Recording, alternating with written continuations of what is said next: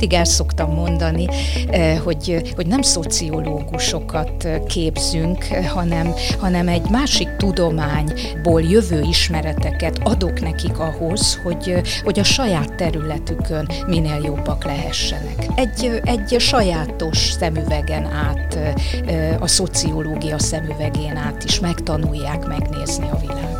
Igyekszünk őket fölkészíteni olyan területekre, eh, ahol ők elhelyezkedhetnek, és azoknak a sajátosságaira, például a családokkal való munka, fiatalokkal való munka, valamilyen eh, sérülékeny vagy hátrányos helyzetben lévő társadalmi csoporttal való munka. Ez az STA online konzultáció.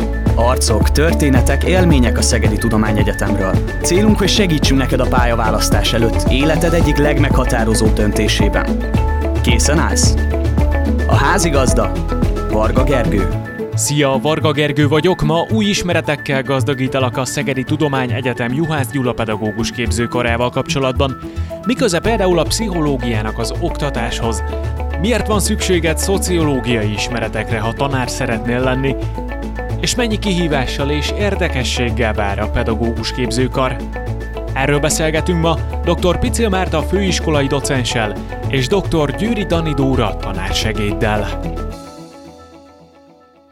Önök mind a ketten különböző területekről érkeztek a Juhász Gyula pedagógus képzőkarra, tehát nem itt végeztek, hanem valahol máshol végeztek, és idejöttek oktatni. Egy kicsit tisztába tennénk ezt a dolgot, hogy mit tanultak pontosan, és mivel foglalkoznak most a pedagógus képzőkaron. Először egy szociális munkás diplomát szereztem, azután szociológus lettem, és én elég sokáig egy másik karon oktattam, úgyhogy én viszonylag fiatal oktató vagyok a, a Juhász Gyula pedagógus képzőkaron. Főként szociológia tárgyakat oktatok, a legkülönfélébb területeket igyekszem lefedni, deviáns magatartások szociológiája, szervezet szociológia, nevelés szociológia, és a szociálpedagógiában is igyekszem minél több ismeretet adni a hallgatóknak. Én pszichológusként végeztem Szegeden, de ugye ott is egy másik karon, aztán a neveléstudományi doktori iskolába sodort az élet, mondjuk így, és miközben a neveléstudományi doktori iskolában tanultam, illetve hogy a doktori tanulmányaimat folytattam, közben kerültem óraadóként a Juhász Gyula pedagógus képzőkarra egy másik intézetbe, és aztán úgy hozta az élet, hogy volt lehetőségem itt maradni, miután befejeztem az ottani három évet, és abszolutóriumot szereztem, és akkor kerültem még egy másik néven, de ebbe az intézetbe, és most a szociálpedagógus képző tanszéken vagyok.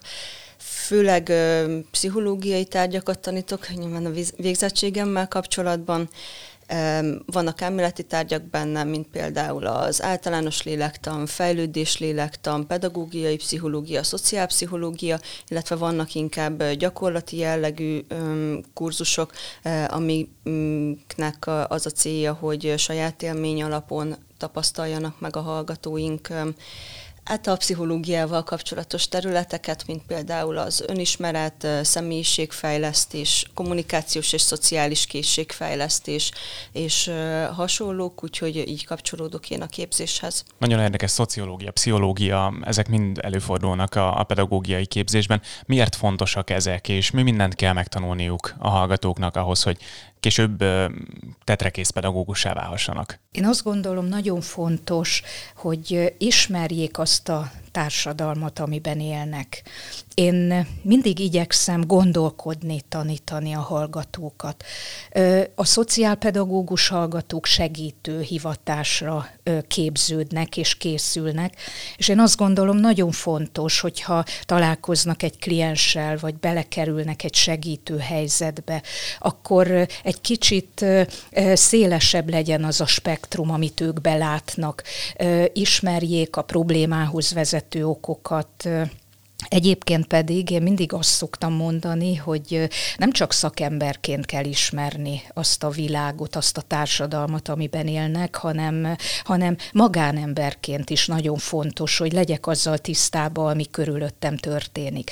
Ha látom azt, ami, amiben élek, és, és gondolkodom arról, amiben vagyok, akkor én azt gondolom, hogy onnan már csak egy ugrás, hogy szakemberként is hasonló attitűdökkel viseltessek kérdések. Nekem nagyon-nagyon fontos szempont az oktatás során, hogy a, a hallgatók ö, olyan ismereteket szerezzenek, hogy esetleg az, az előítéletes gondolkodás csökkenjen. Ö, próbáljuk lebontani a sztereotípiákban való gondolkodást. Ö, én igyekszem mindig megmutatni a valóságot, ö, akkor is, ha ez nem feltétlenül rózsaszín. Ö, tehát én, én mindig igyekszem őket fölkészíteni a valóságra, és továbbra is azt gondolom, ha, ha tudnak gondolkodni, az, az egy rettentő fontos dolog. Mennyire válik egy pedagógus ilyen módon szociológussá? Tehát, hogy, hogy milyen részt, mennyi részterületet kell, hogy érintsünk azok, abból a nagy tudásanyagból, amit mondjuk egy szociológus ismer? Nem szeretném, ha szociológusok lennének. Én mindig el szoktam mondani, eh, hogy, hogy nem szociológusokat eh, képzünk, hanem, hanem egy másik tudományból jövő ismereteket adok nekik ahhoz, hogy, hogy a saját területükön minél jobbak lehessenek. Eh, persze, ahogyan mondtam, érintünk sok területet, de, de nem szociológusok lesznek. Egy, egy sajátos szemüvegen át a szociológia szemüvegén át is megtanulják megnézni a világot. Mi a helyzet a pszichológiával? Milyen konkrét eseteket tanulnak meg mondjuk felismerni egy-egy hétköznapi szituáció kapcsán, amikor már elkezdenek tanítani? Szerintem az nagyon fontos, hogy megtanulják, és itt a, a Mátéhoz kapcsolódnék, hogy hogy milyen világban élünk, és azt gondolom, hogy nagyon sok szempontból hasonló dolgokat tanulnak, csak egy másik oldalról, pszichológiából is.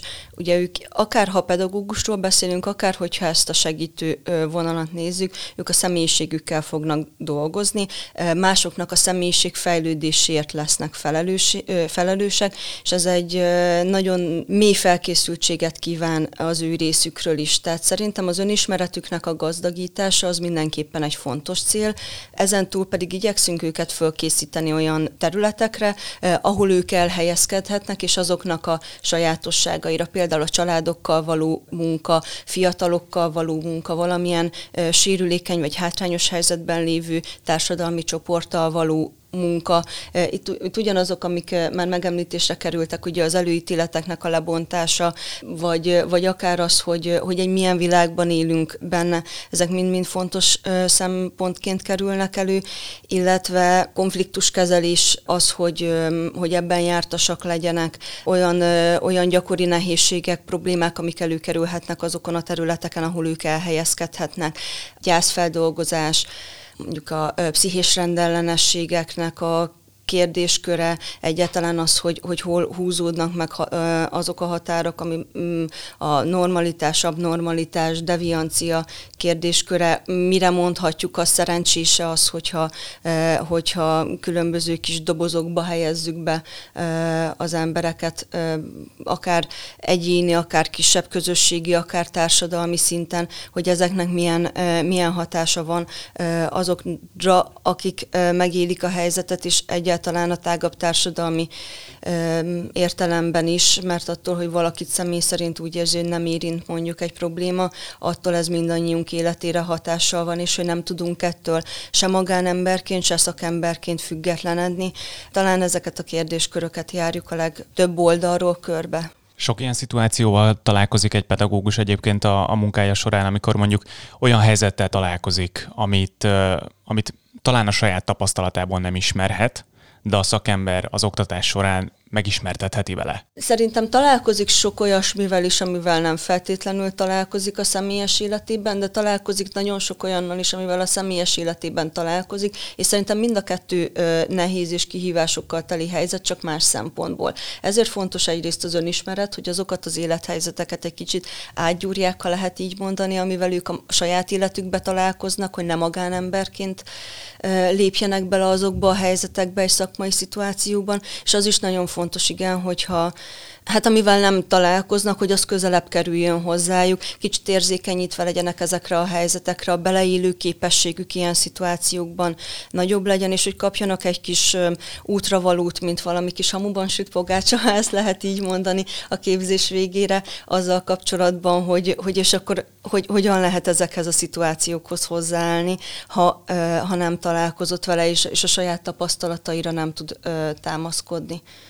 Miután ugye mi szociálpedagógus hallgatók képzésében veszünk részt, ők azért a legkülönbözőbb területeken fognak elhelyezkedni végzés után, és én azt gondolom, hogy olykor azért meg fognak merítkezni a lent világában is, és ahogyan a Dóri is mondta, nyilvánvaló, hogy a többségük nem találkozott ilyen élethelyzetekkel, de azért próbáljuk fölvázolni a hátrányos hátrányosabb társadalmi helyzetű rétegek problémáit gyakorlatok során azért mennek olyan területekre, ahol, ahol ezzel találkoznak, és, és mi azért igyekszünk minél több muníciót adni, hogy az a találkozás ne legyen sokkoló, ne legyen bénító, és minél hamarabb szakmai szemmel tudja nézni az adott szituációt. Nyilvánvaló, hogy, hogy vannak és lesznek nyomasztó élethelyzetek,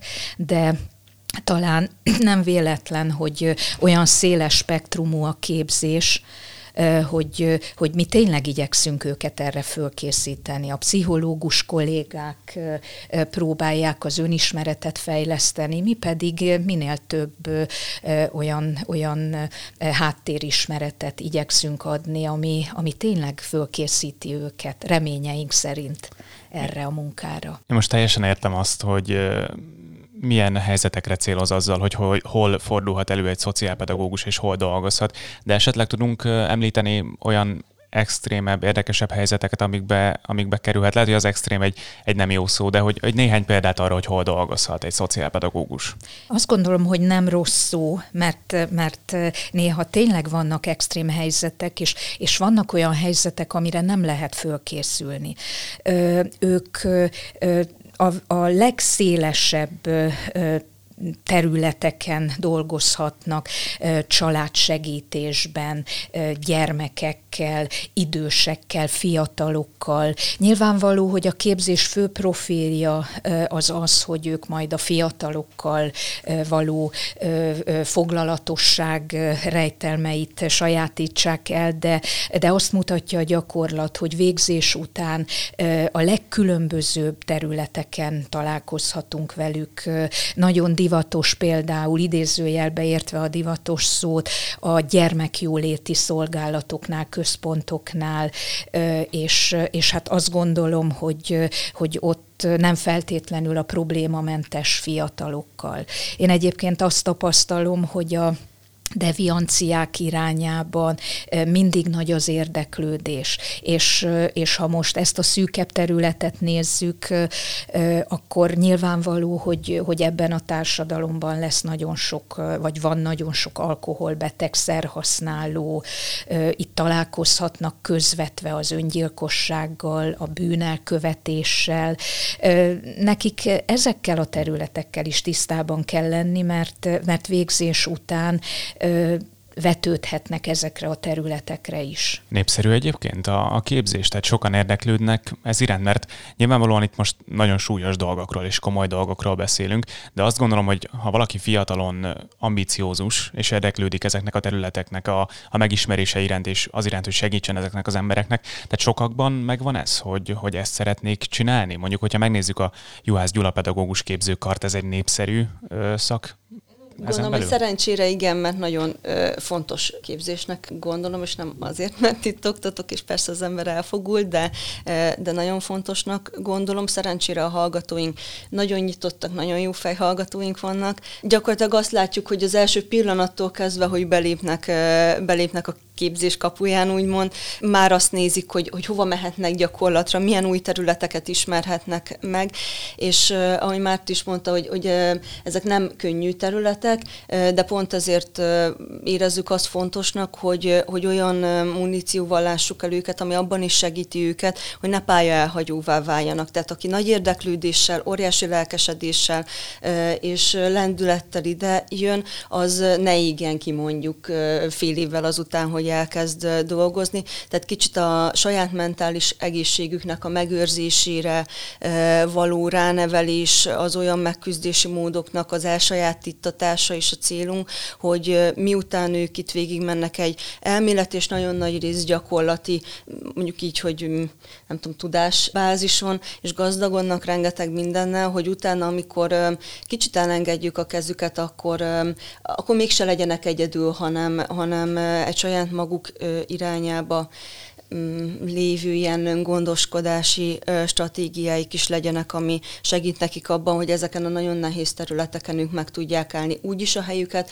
hogy ne csak szakmailag, hanem olyan szempontból is, hogy, hogy ez a lelkesedés megmaradjon, és az a népszerűség, amiben ők belépnek a képzésbe, az, az egy népszerűség legyen majd az elhelyezkedés és a pályán maradás vonalán is. Egyébként egyre népszerűbb a képzés, és nagyon-nagyon örülünk az előző év folyamhoz képest a most belépők száma megduplázódott, úgyhogy mi bízunk benne, hogy ez a tendencia megmarad, és ami még fontos, és itt Dórihoz még hat kapcsolódjak, hogy nem zárul be a kapu akkor, amikor a hetedik szemeszter végén ők megkapják a diplomájukat bármikor visszajöhetnek, és számítunk is rájuk, nem csak olyan helyzetekben, hogy ők tanácsért jöjjenek vissza, hanem, hanem mi a képzésbe is nagyon szívesen vonjuk be a végzett hallgatókat, hiszen a terepen szerzett tapasztalatoknál nincs értékesebb.